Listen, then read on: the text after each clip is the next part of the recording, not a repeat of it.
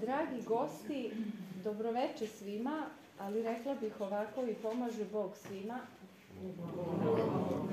Budući da večeras imamo e, kao dragog gosta i prijatelja, koliko vidim ovaj, i, i, i nama i vama posetiocima našeg dragog e, protosinđela, oca doktora Kleopu Stefanovića, koji je došao u posetu večeras u našu biblioteku sa molbom, odnosno mi smo mu uputili molbu da održi jedno ovako, e, verujemo nama svima dragoceno predavanje o svom iskustvu i e, životu tokom perioda koji je proveo u gradu Jaši u blizini Moštiju Svete Petke. Odabrali smo ovu temu zato što verujemo da se najbolje svedoči iz živog iskustva, pogotovo kada je reč o ovoliko mnogo poštovanoj svetiteljki naše crkve, koja sa nama Srbima deli jednu uh, sudbinsku crtu, rekla bih, a to je jedne neprekidne selitbe njenih moštiju pred neprijateljima od praktično momenta njenog uh, upokojenja pa evo do poslednjih vekova kada je konačno smirena i nalazi se u Jašiju. E, meni samo i lično je interesantno da čujem e, nešto o Svetoj Petki, jer nisam dublje razmišljala o razlozima njene popularnosti u našem narodu, koja se praktično nasleđuje automatski od naših baka, majke i tako dalje. Rekla bih da ono što je presveta Bogorodica za neke narode u zapadnom svetu, kao što su, na primer, Poljaci, Sveta Petka je malte ne za srpski narod. Se radujem da čujemo uh, od oca Kleope ono što ne možemo čuti ni od kog drugog. Uh, iz poštovanja prema svetiteljki, prema našem gostu, ja bih vas zamolila da ustanemo i da otpevamo tropar svetiteljki. Pustino je i bezmolno je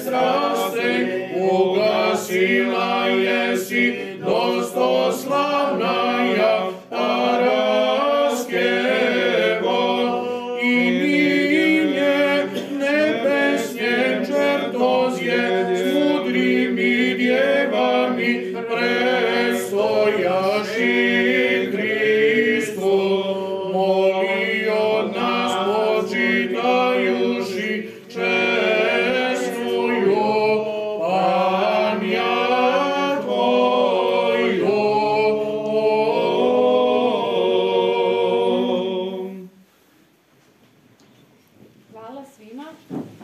Možete se. Budući da je ustanova u kojoj smo se našli biblioteka, mi ćemo dati jedan omaž i pisanoj reči, a na sreću naš otac Kleopa se za vreme boravka u Jašiju okušao i kao pesnik. Pa smo mi, tako reći, iskopali jednu zbirku pesama posvećenih Svetoj Petki, koja je nastala prilikom um, umetničkih večeri u kapeli Svete Petke u Beogradu, koje se tradicionalno Koje održavaju godine je to bilo E, to nismo Ili ja sam zaboravio. 2011. je izdata knjiga, tako je. Tako da će naša ovaj, koleginica Dubravka pročitati njegovu pesmu posvećenu Svetoj Petki. Jerođakon Kleopa Stefanović. O majko moja, čime sam zaslužio, o majko sveta, ja, nedostojan i samoga života, da evo skoro, skoro tri leta storim pored tvoga kivota. Majko, nemam ti šta pokloniti, osim ovoga siromašnoga srca moga. Ja verujem, možeš ga učiniti da postane najskromniji stan svevišnjega Boga. Ja stojim kraj kivota tvoga, koji je reka utehe, milosti, i gledam kako sa ljubavlju primaš svakoga, darujući svakome ozarenja i radosti. Svako čedo prilazi ti, mila, da ti svoju molitvicu kaže, jer si ti od Boga dar primila, dar snage kojom se naše duše snaže.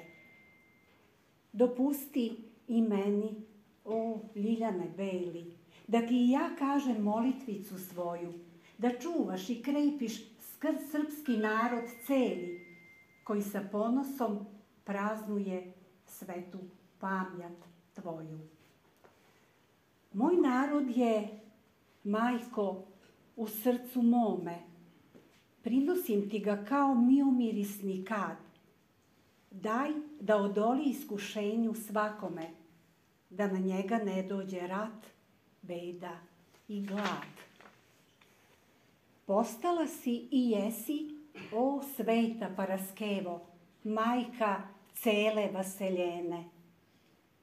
Ko bi sva čuda tvoja opevao, kojima lečiš duše ucveljene. O sveta petko, svih monaha mati, daj i našoj zemlji monaha i monahinja, da imamo ko će nam ka kandila paliti i služiti Bogu u miru srpskih svetinja. Tako prolaze dani, sati i minuti. Od jutra rana do kasne večeri svaku dušu prima Paraskeva mati, bodreći na putu istinitoj veri. Stoga u brzini svakodnevnog života zaustavimo se, kleknuši na kolena, uznoseći poj, dođimo u jaši kod srebrnog kivota gde nas čeka majka u zagrljaj svoj.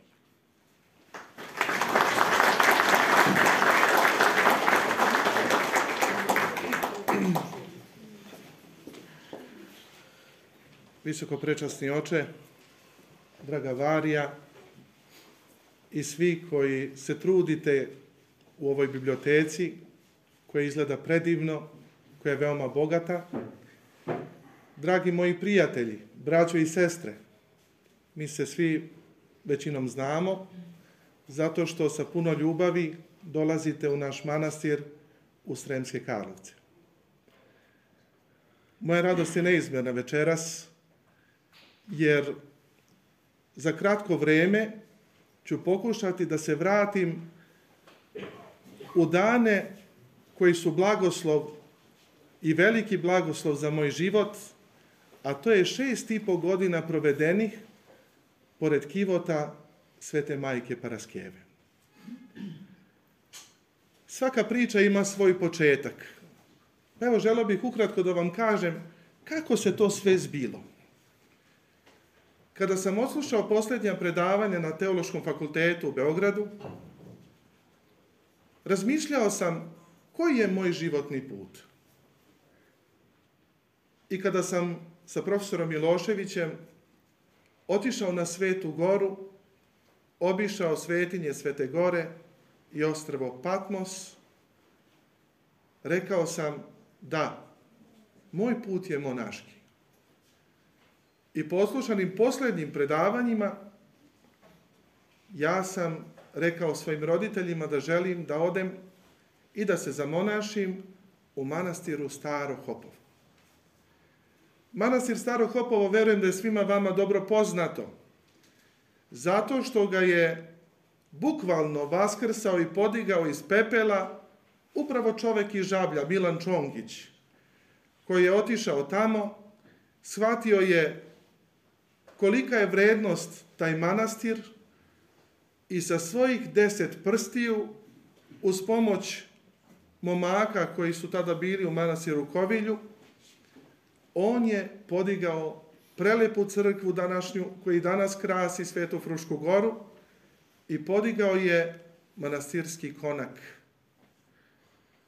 Tamo se prvo nastanio otac Atanas, jedan divan mlad monah iz Novog Hopova, potom je došao otac Justin iz manastira Velika Remeta, on je Bogu hvala sada episkop vikarni njegove svetosti, episkop Fostanski, i potom došao sam ja, jedan razmaženi dečak iz Beograda, koji želi da pokuša kako je to živeti u šumi, u svetinji, bez struje, bez puta, bez vode, bez osnovnih sredstava za život. Ali ono što je zaista u tom momentu mene pokrenulo put Fruške gore iz Beograda jeste ljubav. Zato što kad sam bio džak bogoslovije našo Sremskim Karlovcima, nekako sam saživeo sa našim manastirima. Odlazio sam kao džak, tad je nas bilo puno džaka. Imali smo pojce za sabornu crkvu, za gornju crkvu, današnji manastir, za donju crkvu i još smo mogli kao džaci da se radujemo i da pevamo u našim manastirima. Danas, budući da imamo sve manje i manje džaka, nažalost, nemamo ni toliko pojaca, tako da uvek se radujemo kad neko dete želi da peva ili u nekom manastiru, ili da u sabornoj crkvi, ali hvala Bogu, Bog uvek se postara za naše svetinje. Otišao sam u manastir Staro Hopovo. Iz manastira sam završio sve ispite i dao svoj završni rad, koji je, hvala Bogu, bio dobro ocenjen iz liturgike od strane profesora Nenada Miloševića i svih koji su bili u komisiji tada. Služio sam, učio sam, usavršavao se koliko se to moglo u iskušeničkom podvigu i te 2007. godine 9. augusta na praznik svetoga Pantelejmona, to jest uoči manastirske slave, 8. na praznik Trnove petke, njegovo preosveštenstvo, episkop Stremski gospodin Vasilije, zamonašio me po činu male schime i dao mi je ime Kleopa. U svetu sam se zvao Srđan. I logično je da se monaško ime da koje ima neke veze sa svetovnim imenom.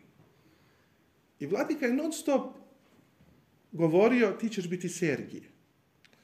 I tako je obznanjivao, zato što je moje monašanje bilo u starom Kopovu prvo posle 500 godina, to je bila obnovljena svetinja. Šta se u stvari desilo? Zašto vladika Vasilije meni dao ime Kleopa? To je bilo čudo. Kad je on rekao brat naš Kleopat, u crkvi je bilo, a svi su se začudili. A šta je bilo sa onim poklonima što su mi doneli da piše dragom ocu Sergiju, na molitveno sećanje, ono videlo se posle monašenja, svi prepravljaju, brišu, Kleopi. Zašto Kleopa? Svi su rekli, kaže, da se malo našalimo, moja protivnica u Beogradu, kaže, znam srđo kako se sad zoveš. Ja kažem, kako protivnice? Kaže klompa. Pa nije protivnica klompa, mansa. 2003. godine, kad sam završavao bogosloviju, naš episkop Vasilije nas je vodio na matursku ekskurziju u Jaši. I to je bio moj prvi susret sa Rumunijom, sa Svetom Petkom i sa manasirima Svete pravoslavne Rumunije. Ja moram da vam priznam, iskreno, ovo večeras pred vama, ja u Beogradu nisam znao šta su to monasi. Ja sam odrastao od svoje pete godine u maloj crkvi Svetog Save, tamo su bile prote, ja sam nekako na njih bio navikao, a moj prvi susret sa monaštvom je bio upravo preko eparhije Bačke. A kako? Kad sam bio dete, bila je emisija ona bukvar pravoslavlja. I to je bio tada njegov presveštenstvo Vladika Irinej, tada sećam se sa dugačkom crnom bradom, sadašnji naš patrijarh, Vladika Fotije i divni naši duhovnici, koji su u to vreme zaista narodu, to je bilo još vreme kada su se ljudi oporavljali od komunizma, kada su ljudima iznosili lepotu i istinu naše vere. I moja baka meni stalno govorila, ma šta gledaš te bradonje? Ostavi to. Ajde neki crtani film da ti nađem Charlie Chaplina. I kažem, pusti me. Hoću ja ovakav da budem. Ajde, kaže, mani se sa toga. I ja sam gledao, jer sam tačno znao, iako sam bio dete, kad se to daje i dođemo onako, tad nije bilo daljinskih upravljača, ja lepo uključim i nađem sebi i gledam bukvar pravoslavlja. I to, taj prvi put sam video da su to monasi i kako izgledaju, jer jednostavno u Beogradu nisam imao gde da ih vidim. Kad sam došao na Frušku goru i u Rumuniju posle, kad sam otišao na matursku ekskurziju, Zamislite, ušli smo u manastir Putna, gdje ima dve stotine monaha. Posle sam ja to kao student i kao doktorant sve obišao na tenane i sada ću isto ovaj malo da se obazrem na to. I kada smo bili na grobu starca Kleope, u manastiru Sihastrija, ja onako, dete, 14 godina, pun završio, završavam bogosloviju, nešto sam malo stekao, kako da kažem, te ljubave prema monaštvu, gde sam odlazio da pevam u manastir Novohopovo, gde su inače mošti moje slave Sveti Teodor Tiron, a kad sam ja ušao u manastir Sihastriju, pa vidiš tamo isto tako nekoliko stotina monaha. I kad smo došli na grob starca Kleope, ja sam ostao. Jednostavno ostao sam, grupa je već otišla, I polako sam počeo da se spuštam niz groblje i da razmišljam. Kako bi to bilo lepo možda da ja to pokušam, da ja to budem, jer kako se lepo peva, ništa ja ne znao ni šta je vizantijsko pojanje, ni, kod nas su bili horovi u Beogradu, Mokranjac i tako dalje, i mnogo mi se svidelo, moram da kažem. I na tome putu sretnem ja našeg vladiku Vasilija. Kaže, Šta si ti, kaže ovde, šta si ti, kaže, zakasnio? Eno, kaže, tvoji već odoše tamo. Rekao, Vladiko, rekao, ja bih volio da budem monah. Ajde, kaže, kući, nemoj da me tvoji, kaže, roditelji još ubiju, kaže, ovde. Aj, u, Vladika u onom svom narodnom stilu je tako rekao i otišli smo mi, naravno, završio sam bogosloviju, Bogu hvala, završio sam fakultet, jer ja sam mojoj majici, kako da kažem, tu svoju želju i ocu davao na dozu, što bi se reklo. Zašto? Moji roditelji nisu bili pobožni. Nisu bili vernici.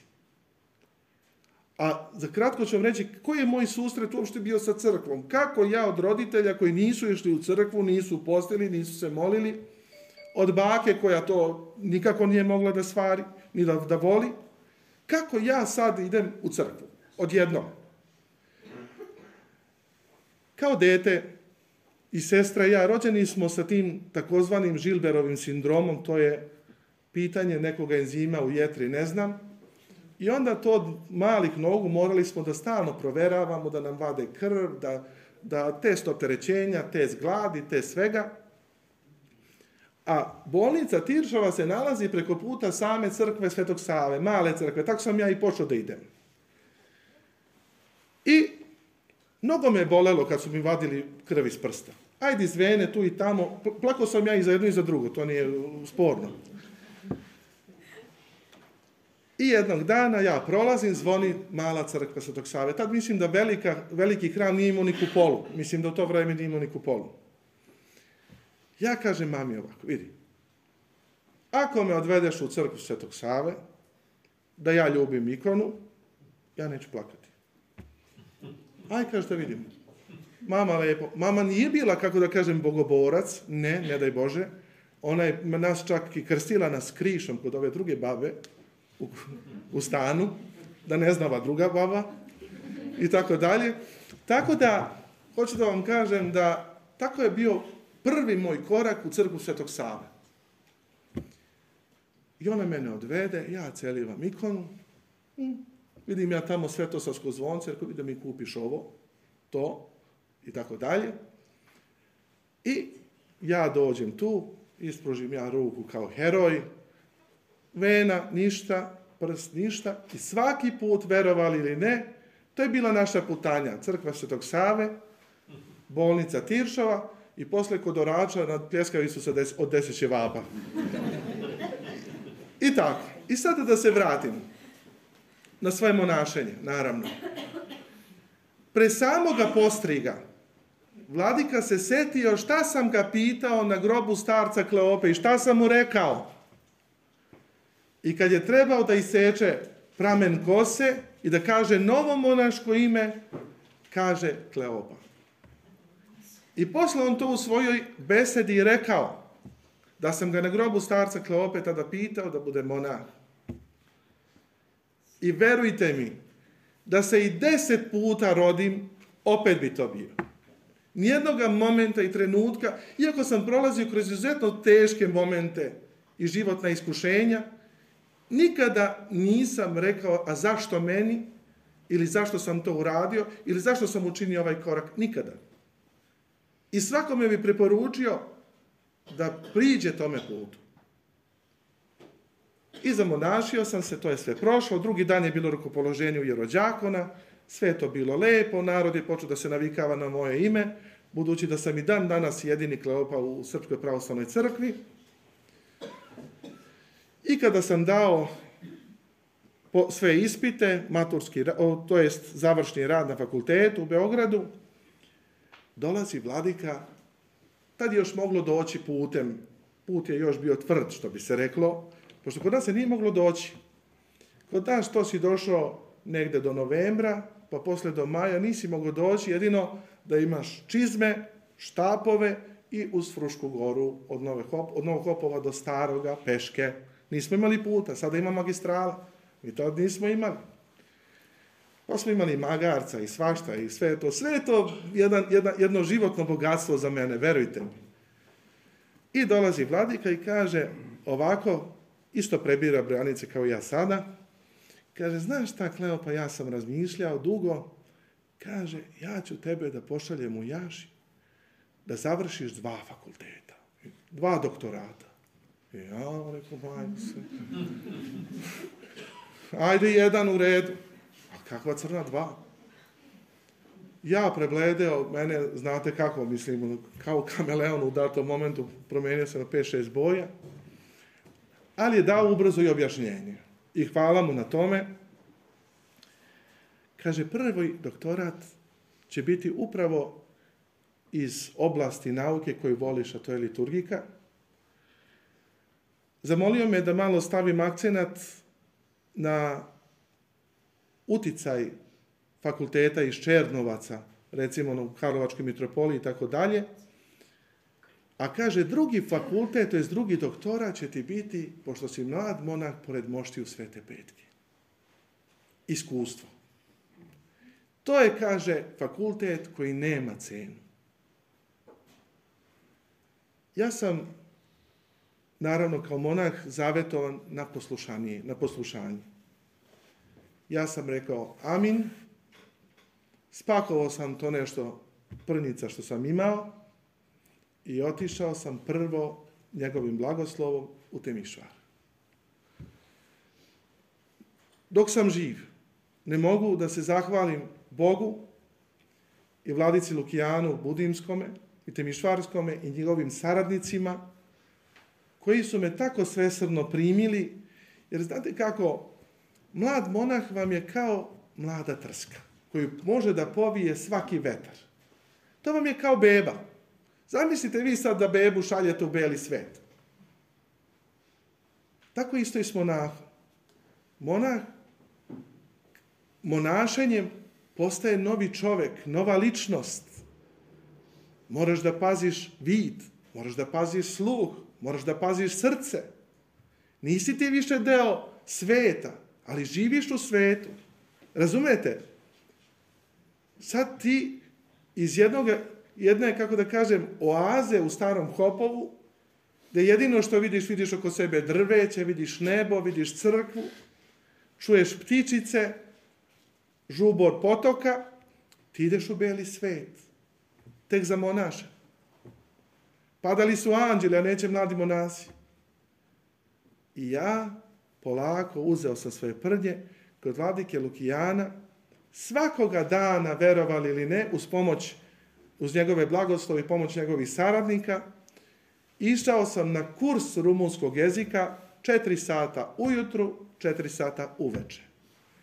Jutrenje u srpskoj crkvi, jutrenje u rumunskoj crkvi. Jel teo sam da naučim i da služim. Znači, kurs bogosluženje, kurs bogosluženje. I ono što sam shvatio kao monah, i to želim da podelim sa vama, najveća snaga svi u nas jeste bogosluženje. Onda kada se čovjek odvoji od bogosluženja i od svete liturgije, onda on više, onda on pada, onda on postaje slab. To je isto kao kad čovjek ostane bez imuniteta. Dolaze virusi, napadaju ga koje kakve bolesti. Upravo čovjek bez bogosluženja jeste ništa. I to sam shvatio i to se potvrdilo upravo pored moštiju Svete Petke, da kad si u bogosluženju i kad si sa bogosluženjem i kad učestvuješ u bogosluženju i kad se moliš, Bog ti sve daje. Kad se malo samo udaljiš od bogosluženja i od molitve, odmah počinješ polako da trokiraš, da padaš. I to ćete osjetiti u vašem životu. Zato prikrlite vaše hramove i naše manastire i crkve i pričešće, ispovesti, sve to, da biste bili mnogo snažni, vremena su veoma teška. Odlazio sam u jedan divan manastir Čebzu, tu kod Temišvara, tu sam odlazio na svenoćna bdenja. To su divne monahinje, zaista velike trudbenice i mučenice. One su same, verovali ili ne, podigle svoj manastirski konak. Nisu imale majstore koji ja danas. Nego su one zidale mučenice i sa puno ljubavi sam odlazio kod njih.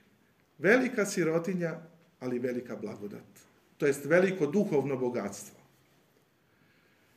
I došao je taj prvi oktobar, kada ja iz Temišvara polako idem na svoje novo poslušanje.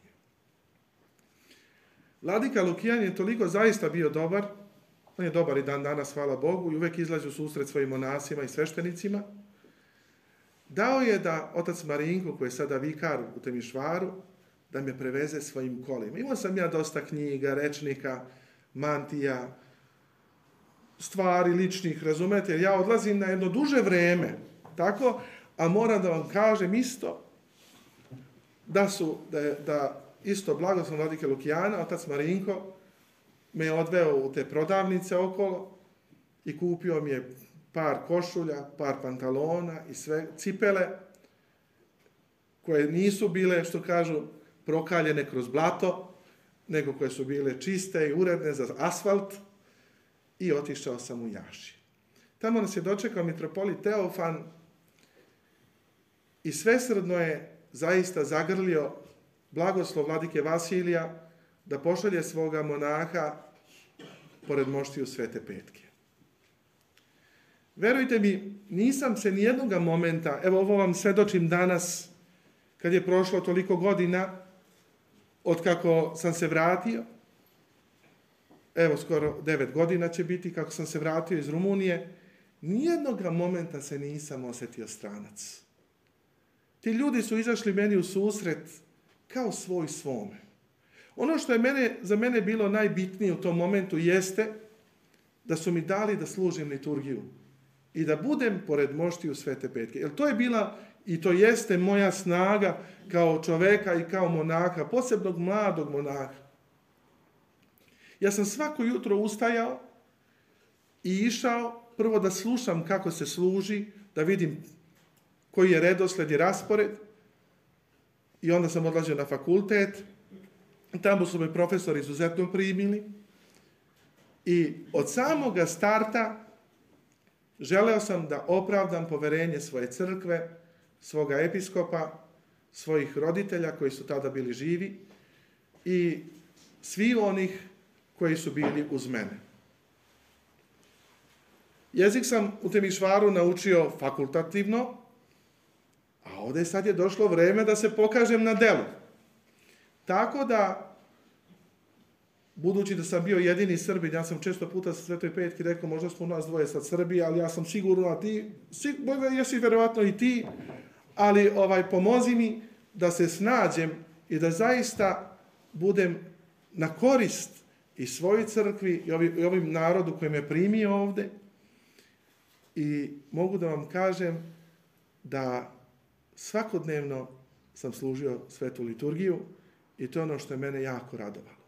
Dobio sam sobu, pošto u Rumuniji svaka saborna crkva je manastir. I u njoj služe monasi. Prvi monah je naravno episkop, potom monasi, arhimadriti, protosinđeli, jerođakoni i arhiđakoni. I meni su dali sobu baš tu u samu crkvu. Znači, uz samu crkvu. Sa svoga prozora video sam zvonik. Tako da nije moguće da se čovjek uspava. Zvono, čim zazvoni, ti ustaješ odmah iz petnih žila. Ali ja sam ustajao sa tom željom, prvo da budem pored te svetiteljke koju sam toliko voleo kao, i ko toliko volim, kao, volao sam kao dete. Sa koliko sam ja žara, recimo, posle, moja razredna Marija me vodila na Kalemegdan, da, da uzmemo vodu i tako dalje.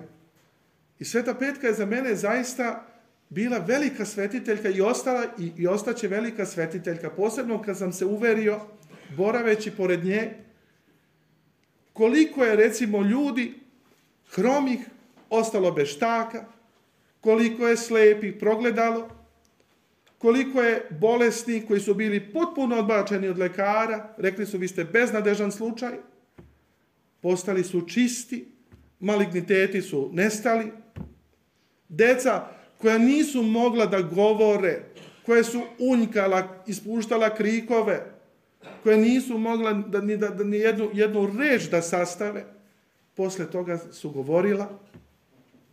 I mnogo toga zaista što vam mogu večeras pred vama posvedočiti i likom i činom. I to je u stvari onaj drugi fakultet koji sam upisao i za koji vladika mi je dao blagoslov da ga završim, a to je blagoslov iskustva. Fakultet, to je doktorat iskustva. Znate, svaki čovek je neponovljiva ličnost. Svaki čovek je jedna riznica. Ni dva prsta na ruci nisu ista kamoli dva čoveka. Vi najbolje do roditelji znate, ako imate dvoje dece, razlikuju se. Po temperamentu, po mentalitetu, po svemu. I onda, kada sam počeo da dežuram pored moštiju Svete Petke, svaki susret sa novim čovekom, kao i dan danas u mome manastiru, je poseban događaj. Jer ti svaki put iznova otvaraš jednu veliku riznicu, jednu veliku dubinu u kojoj su izmešani, iz, izmešani i radost, i tuga, i bol, i bolesti, i patnja. Ali ti jednostavno otvaraš riznicu koju si spreman, koju si spreman da obogatiš Bogom i svetiteljima. Ti primaš i sprovodiš njoj, a ona kroz tebe daje. U stvari, ja sam nebitan ali sam tu poslan od Boga samo da prenesem ono iz riznice njoj, da bi ona tu riznicu obogatila. Kao isto danas pored svetog nektarija. Vi dođete. Ja sam tu samo da pročitam molitvu, da čujem ispovest ili da obavim svetu tajnu. Ali vi dobijate. Sveti nektar je daje lično vama. A meni daje na drugi način. Daje mi zdravlje. Daj mi snagu. Daj mi bodrost.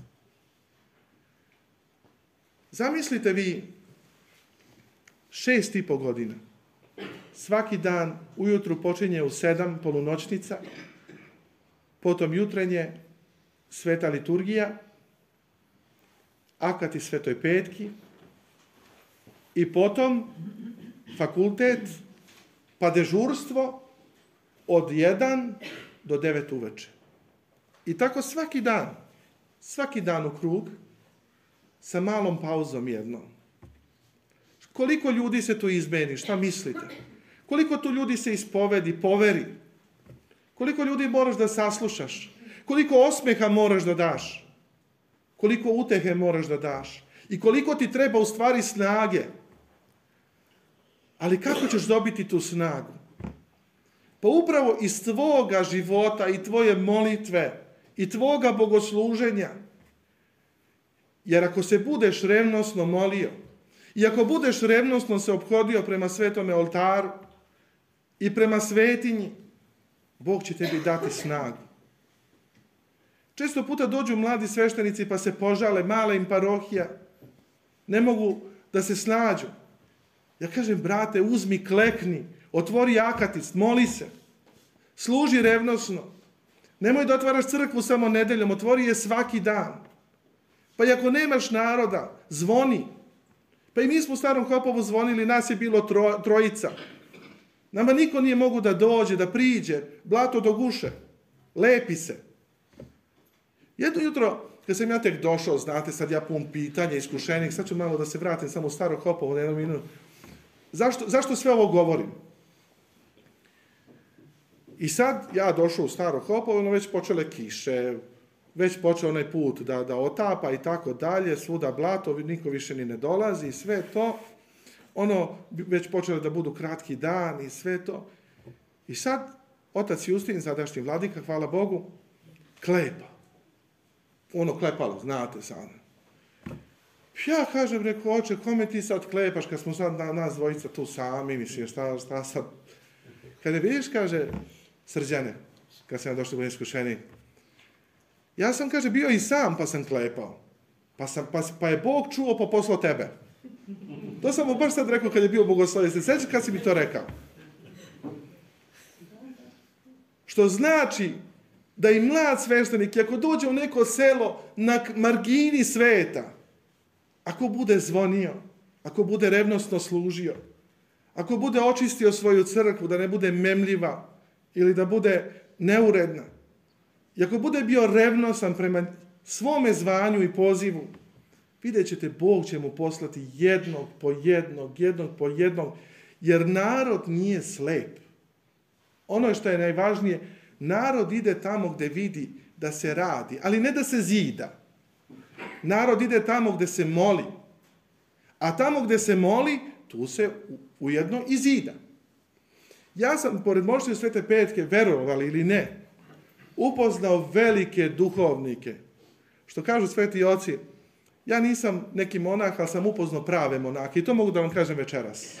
Upoznao sam prave duhovnike i prave monake koji su živeli u vreme starca Kleope i u vreme e, starca Arsenija i u drugih svetih staraca koji, koji su sahranjeni u manastiru Sihastrija i koji su zaista svojim životima osve, osvetili rumunsku zemlju. Šta vi mislite, 50. godina stigo dekret da se isprazne svi manastiri i da svi monasi koji su mlađi od 50 godina moraju da se ožene. Nekima bi to možda dobro došlo. Ali ne. Oni su iz svoje ljubavi prema Bogu otišli i živeli u šumama i jeli lišće dok je prošla snaga toga dekreta koji je Čaušesku dao. Starac Kleopa je živeo u Kozanči, tam, to, to je jedna, jedna, ovaj, kako se zove, jedna šuma. Zamislite vi koja je to ljubav. Da li bi neko od vas sada da dođe, neko da uperi pušku od vas da kaže odrekni se Hrista ili idi u šumu, da li bi neko od nas napustio svoj komotitet i otišao da živi u šumi i da, i, i, i da, i da jede lišće i da se prehranjuje? E pa to su stari sveti oci uradili. I zato su osvetili tu zemlju, zato što su znali kome su poverovali i kome su svoj život dali. Zato se u poredu kumonašenja i kaže, pazi koga se odričeš, pazi kome pristupaš, pazi kome služiš. I upravo često puta sam čuo od tih učenika starca Kleopa, recimo, koji kažu, dolazili su mladi sveštenici kod njih da se ispovedaju. I drugi, brate, služi i moli se i sve će ti Bog dati. Služi i moli se i sve će ti Bog dati. Isto tako, pored mošti u Svete Petke sam shvatio da ništa ne biva bez volje Božije. Ono što ti u životu pripada, to će doći. A ono što ti ne pripada, možeš da čekaš, da trčiš, da se slomiš, neće ti doći. A upravo sve je volja Božja. I sve trebamo da izmolimo prvo svojim smjerenjem, a potom svojom usrdnom molitvom. I šest i po godina, ali hoću da vam samo kažem za moment kako izgleda praznik Svete Petke. To je za mene fenomen, sad ću da vam ispričam. Sveta Petka se u Kivotu naravno iznosi deset dana ranije pred njen praznik. Postavlja se jedan baldahin od metala i jedna porodica iz Bukurešta i reći ću Romi, već 30 godina sa cvećem i najlepšim cvećem, miri, najmiriomistijim cvećem, kiti taj baldahin, tako da se više metalni ne vidi. To je sve u cveću. Možete zamisliti, ja koji volim cveće, kako je to za mene do, doživljaj bio. U.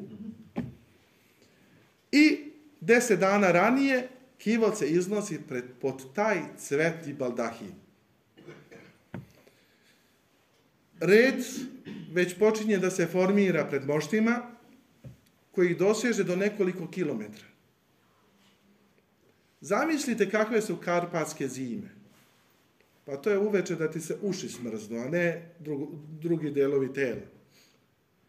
Ali ljudi dolaze i staju u red i čekaju po 12, po 13, po 15 sati. Mnogi u svom, de, u svom naruču imaju decu i strpljivo čekaju da se poklone svoje voljenoj svetitelji. Mi monasi koji smo bili tu, mi smo se smenjivali na 4 sata. Znači, može da ti upadne čreda ili red, možda u 3 sata posle ponoći ili u 4 ili u 5, ali non stop smo bili na raspolaganju tome narodu. Jedno veče sam izašao malo ranije, rekao, ajde ja malo da prošetam. Pa taj red je išao u nedogled. Zaista. I ljudi su u tišini strpljivo čekali da se približe.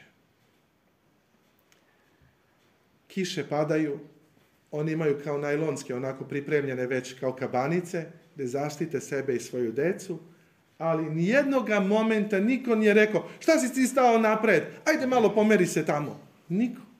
Svi su imali u rukama svoj mali akatist i čitali su sa strahom Božim čekajući da dodijednu svoju svetiteljku.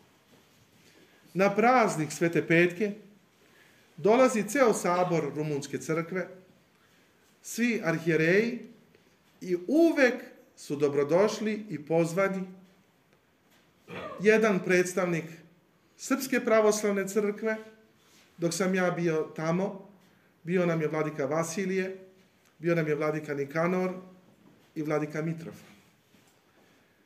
Jedan predstavnik Bugarske crkve, pošto Sveta Petka je bila u Bugarskoj, jedan predstavnik Vasiljanske patrijaršije, pošto je Sveta Petka bila i u Carigradu, i onda se služi liturgija u kome su zastupljeni i jezici gde je bila prepodobna majka Paraskeva.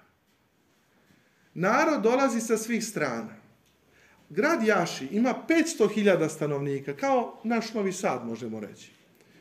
Ima 237 crkava, ima 11 aktivnih manasira, znači u samome centru grada. Zamislite vi to. I onda svaka crkvena zajednica je otvorila vrata svoje crkve hodočasnicima. Jer hotela nema da primi toliki svet.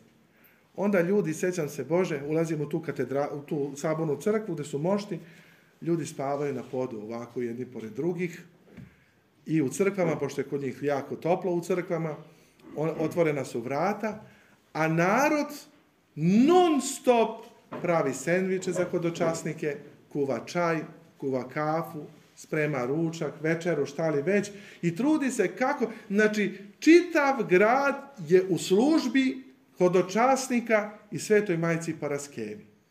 Znači to je nemoguće.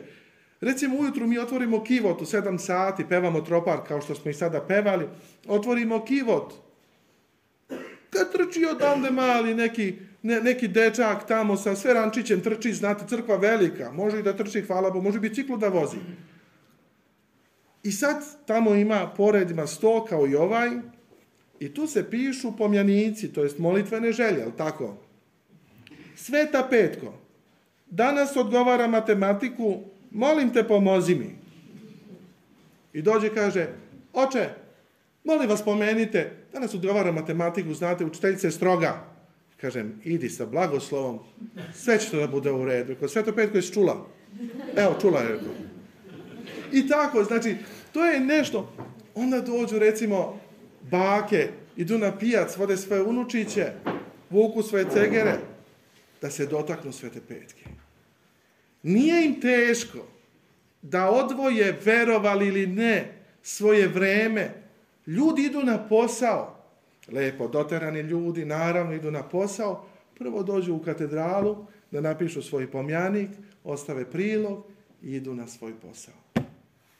Kako je to lepo živjeti sa svetiteljima. Verujte mi, ja sam živeo u Krušedolu po poslušanju. Majka Angelina, pored našeg naroda, verovali ili ne, toliko je usamljena. Redko koje se seti da dođe. Nekako, kao da, da, da, da nam je crkva i manasiri, kao da su nam postali, kao da kažem, neka urgentna ambulanta. Da idemo samo kad nam treba. A ja vam sad govorim o jednom praktikovanju suživota sa svetiteljima i sa crkvom. Znači da crkva i svetitelji su deo, glavni deo naših života. Ne nešto gde ću ja odrediti da li ću ići ako mogu ili ne mogu.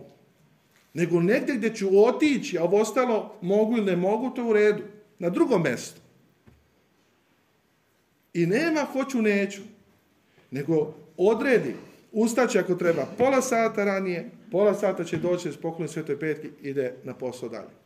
Dete ide u školu, doće kod Svete Petke, ide I verovali ili ne, to se nekako ukoreni u toj deci. I posle mi se pitamo zašto njihov manastir ima 500 monahinja, manastir Agapija ima 500 monahinja, manastir Varatek ima 700. To su čitava sela, ti to ne možeš da shvatiš, da, mi to ne možete da pojmite, kako to izgleda. To se crni. Pa upravo zbog toga što njima crkva nije strana. Danas kad dovedu dete na krštenje, recimo, pa to je kao da su ga doveli na klanje. Ti ne znaš odakle da ga uzmeš. Čovjek, mi sveštenici moramo osiguranje da platimo da, da, da bismo krstili neko dečije dete. Zato što ne znaš da li će da te šutne, da li će da te pljune, da li će da, da vrišti ili bilo šta, razumete? Deca se uče pobožnosti od malena. Koliko put sam služio svenoćna denija? Pa donese majka svoju bebu i kleči na onom čilimu tamo, a beba spava ispred nje. Pa ako ona, ako ta beba od malena, od svoje, ne znam kog meseca ili koje godine, svoje prve godine možda, sluša molitvu i uzrasta uz molitvu. Znači ništa na silu, nego jednostavno uzrasta uz to, kao, kao kalebljena biljka, znate, kako raste posle uz to, tako ono raste u crkvu. I crkva mu postaje neš, njegov dom, gdje će da uđe, da trčkara, da se veseli, da se raduje. A ne danas roditelji uve, uvedu dete u crkvu, kad nas vidi, kao da su vidjela ždaju. Zato što su im strana, crkva im je strana.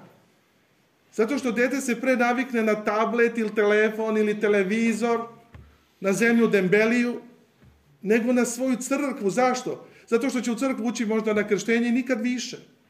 Ja kad sam krstio skoro jedno dete, kaže, majci, rekao, daj da ga je pričestim, onda znam da ga više neće doći. Pa pravo usto, pa rekao, znam sam pravo. Mislim. Onda da li, da, da li će da ga bučkate, da li neće da ga bučnete, da li će da ga pomaže, da li neće da ga pomažete, da li je korona, da li nije korona, to kod njih nema. Kod njih je Bog. I vera. Kao i kod Rusa. Kao i kod Grka. Evo recimo sad je post. Kod Grka sad petkom se služi, kao što mi služimo isto i kod nas u manastiru, kanon sa delovima akatista presvete bogorodici. Pa to svaka bakica zna na pamet. I peragija, te, svaka zna. Kao i u Rumuniji isto kad je, kad je gospodinski post, onaj molebni kanon presvetoj bogorodice. Dete znaje u Licko, peva, presventanas katoare de Dumnezeo miluješ. Mi, ja kad sam prisustvovao recimo sahranama u, u Rumuniji, sveštenik samo kaže blagosloven Bog naš. Narod preuzima odmah. Binecuvântat ești, Doamne, învață-ne pre noi îndreptările. I do kraja sahrane narod peva ceo. Kako da vam ne kažem svoje iskustvo? Kažem, ja zato hoću ovaj moj narod da potaknem ljudi, saživite se sa crkvom. Ne bojte da vam crkve budu svratišta, nego da vam crkve budu domovi, kuće. Kao što ulaziš, ulaziš u svoju kuću, tako i uđi u crkvu. Pogledajte, bio je taj nesretni virus. Pa ljudi su odlazili u crkvu kao, kao ne znam, ne znam gde. A u kafanu možeš da uđeš, na pijacu možeš da ideš i svuda. Jedino crkva, tu se maskiraš, kao krokodil izgledaš. Ne, draga braća i sestre. Sa crkvom se moramo saživjeti. Jer crkva, naša vera pravoslavna, nije nešto, nije hobi. Naša vera pravoslavna je život. Zato što te prati od kolevke pa do smrti. Kada se rodiš, krstiš se, ali tako? Evo je crkva. Kada malo odrasteš, venčaš se, opet je crkva. A sve u tom hodu idemo. Svet, liturgija, pričešće, liturgija, pričešće, ispovest, liturgija, pričešće, ispovest i tako dalje, svake nedelje, svakog praznika. Živiš čestito i pošteno i, pri, i živiš svaki dan kao da će se svaki dan pričestiti. Onda malo odrasteš, venčaš se, eto opet crkve. Nažalost, kod nas danas žive u nekim konkubinatskim zajednicama, pa onda od nas očekuju da mi to nekako opravdavamo, ne možemo da opravdamo ni u kom slučaju. Opet kad se venčavaš, opet crkva tu. Onda opet idemo taj liturgijski život, liturgijski život, liturgijski život i sve to do onoga kraja, kraja tvoga izdihanija, gde ćeš takođe u crkvu, crkvena zvona, u svoje sveštenika, otići sa ovoga sveta u naručje Božije. I zato što je crkva deo tvog života, nemoj crkvu poniziti da postane neka margina tvoga života. Da postane neka opcija tvoga dana. Da li ćeš moći otići ili nećeš moći otići. Nego reci, kao što moram otići u svoju kuću, prespavati, jesti, živeti, tako ću otići u svoj hram da bih živeo u Hristu. I to je ono što sam naučio i što i dan danas govorim svojim vernicima. Nema srednjega puta. Kaže sveto pismo, ili si vruć, ili si hladan. Ako si mlak, izbljuvaću te iz usta svojih, govori gospod. Nema kompromisa. Nema pravoslavlja na kašičicu. Nema posta u epizodama. Nego post se posti. Ili postiš, ili ne postiš. Ili veruješ, ili ne veruješ. Kakav je to danas, recimo, post koji jedan 8. mart može da prekrši? Još kaže, dajte mi, kaže, blagoslov da idem na 8. mart. Kakav crni 8. mart se ide odavde, nemoj da sad, ovaj, kako se zove, da se posvađamo. Zašto? Mi, jadni, koji smo shvatili, ali mi srpski narod moramo da shvatimo i da shvatimo po milion puta, da te kroz vekove crkva sačuvala. Niko drugi. Crkva te je sačuvala i očuvala. Ako hoćeš knjige, pismenost, matice, sve, sve to vezano za crkvu. Nema vam crkve ništa. Šta svedoči negdje tvoje postojanje? Recimo, šta ovdje svedoči naše postojanje? Pa svedoči crkva. I grobovi, naravno. Šta čuva naš narod na Kosovo i Metohiji? Čuvajmo na Siriji crkva, opet. Ko je zaštitio naš narod i ko svedoči naš, na, na prisustvo našeg naroda u Hrvatskoj? Pa crkva. I onda kažu, zašto sveštenici govore? Pa zato što, zato što ste vi naš narod i mi smo vaši sveštenici i monasi. Mi nismo kruške na grani, pa kad hoćeš uzbereš me i jedeš, a kad nećeš baciš. Nego mi smo deo vaših života, vaših domova, vaših porodica. I to je u stvari ono što hoću da kažem večeras, da Sveta Petka u tom kraju nije opcija popodneva, da ćemo mi otići ili nećemo otići. Taj narod ide, traži, moli. I zato gospod kaže, kucajte i otvorit će vam se, tražite i daće vam se. Ali ako ti sjediš u svojoj kući, tebi je lepo i toplo, upalila si ili palio zadrugu i ti gubiš dan, neće doći, doći će iskušenje. A zato ugasi to sve, idi u hram i traži svetitelje. Majka Angelina u Krušedolu, car Uroš u Jasku, Teodor Tiron u Novom Hopovu i druge, druge svete mošti. Koliko puta su usamljeni sami. Nema srpskog naroda da ih se dotakne. Srpski narod ima naravno preča posla. Koliko crkava je prazno? Zato što nema naroda da dođe. Ili mu smeta pop ili popadija. Zato vas molim, zaista sve ovo što govorim večeras, to je jedna realnost koju moramo da menjamo u korenu. A to je da saživimo sa našim svetinjama.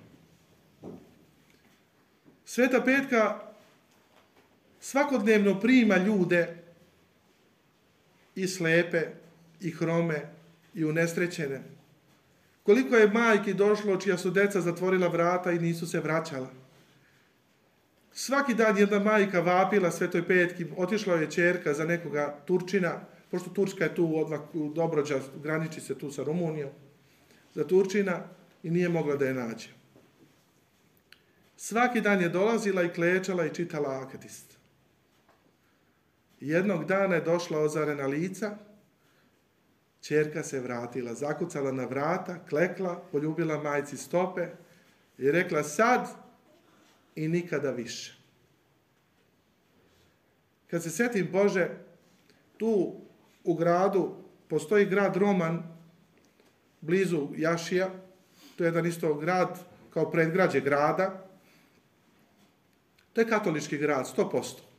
Tu su katolici baš 100%. I tu ima mnogi katoličkih redova, kažu da Bog ne zna koliko katolici u stvari imaju tih monaških redova, ali hvala Bogu imaju. I tad sam prvi put video u životu, gledao sam ja film o majti Terezi, kako ona obučena onaj plav, belo-plavi sari, kako ona izgledala, išla među crnce, pomagala gubavce i tako dalje. Kad ja idem dežuram tako, pomazujem ljude s onim osvećenim uljem, sa jelosvećenje i tako dalje, kad ulazi pet njih, ja, reko, vidiš što je ovo slatko. I ono, ona ulaze i one su bile malo ofarbane, vjerojatno su došli iz Španije ili iz neke tako zemlje.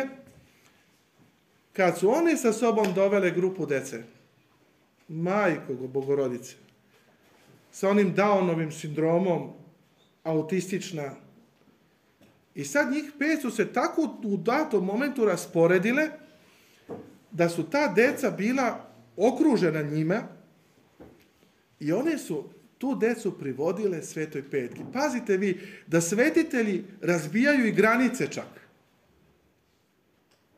Da one koje su katoličke monahinje dovode autističnu decu kod svete petke. Kakvi su to krikovi bili i da kažem i, i mislim možete da zamislite kako je to, da ja sad ne opisujem, jer neopisivo je. Kad su dovele tu decu, njih dve su se rasporedile, jedna s jedne strane, druga sa druge strane, a treća je privodila decu da se dotaknu svete petke. I svako dete je bukvalno onako, kako da kažem, leglo na mošti. Verovali ili ne, kako je to, svako, tog dete, svako, svako to dete, kako bi se prislonilo na mošti, odlazilo je sa nekim posebnim mirom. Oni su sa toliko puno ljubavi, te monahinje, te majke Tereze, su njih privodile. Verovatno je to njihovo poslušanje da, da se one bave tom decom. I, hva, I šta mislite? Sad vas pitam ja večeras, da se one neće spasti, da Bog neće vidjeti njihovu žrtvu.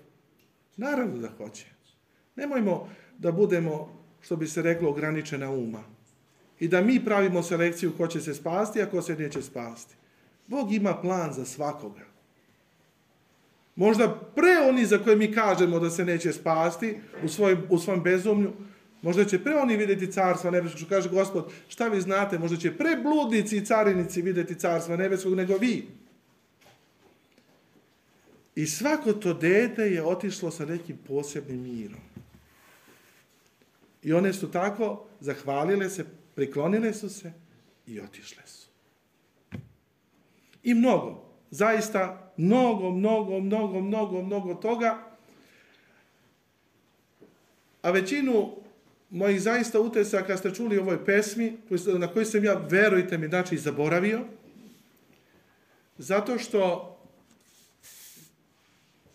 Zato što, hvala, zato što otac Dragomir Sando me je zvao, bio sam baš u vreme jedne male pauze, kaže, ajde, kaže, brzo, kaže Kleoba, napiši, kaže, jednu neku pesmu, kaže, bit će duhovna ve, duhovno veče u kapeli Svete Petke. Ja zamolim ovoga mog džakona tu što je bio mlad, jedan uvek bude na praksi neki džakon, rekao, ajde ti, rekao sada ovaj, tu pomazuje ljude, ja se iza ja napišem ovu pesmu. I evo, zaista, zaboravio sam, ja sam njemu to poslao, bio ovaj, ovaj Viberom, i evo, hvala Bogu da, da je sad, ovaj, da je, da je, smo je čuli, čuo sam i ja posle, eto, koliko godina, skoro 11 godina, je tako? 2011, je tako? Jeste. E, moj rastanak sa Svetom Petkom je zaista bio bolan. Zašto bio bolan? ali to je bila ona radosna tuga. Ja sam se vratio iz Rumunije, doktorirao sam 2014. godine u junu mesecu. Kad sam se vratio iz Rumunije, sa aerodroma sam otišao pravo u gradsku bolnicu, zato što sam saznao da je moja majka jako bolesna. Oni to meni nisu hteli da kažu, i da je neću zateći kod kuće. Ja nisam mogao da budem strpljiv ni da odem kući ni da ostavim baga, stvari, nego sam direktno sa aerodroma otišao u gradsku bolnicu i zaista sam se zapanjio videći koliko moja majka je propala i jednostavno da je bolest uzela maha. I Ona je se upokojila upravo 2014. godine na drugi dan praznika Svete Petke, verovali ili ne. Tako da ja znam i mogu da svedočim pred vama da je umrla željna mene i da sam ja ostao željan nje. Od kolevke pa do smrti, ako neko može najbolje i najlepše da ikonizuje ljubav Božju, to su naši roditelji. Naša majka. I koliko puta i dan danas potrčim da nekome, da, da, da nekome nešto kažem, to jest da bi njoj nešto rekao, ali nemaš jer upravo ostale su fo- samo fotografije i predivna uspomena na jednu ženu koja je bila jedan veliki radnik, radila je u Galenici u fabrici lekova i nažalost sa tog odelenja redko ko je otišao u penziju, nažalost svi su završili u onoj dolini tihovanja na groblju, nažalost.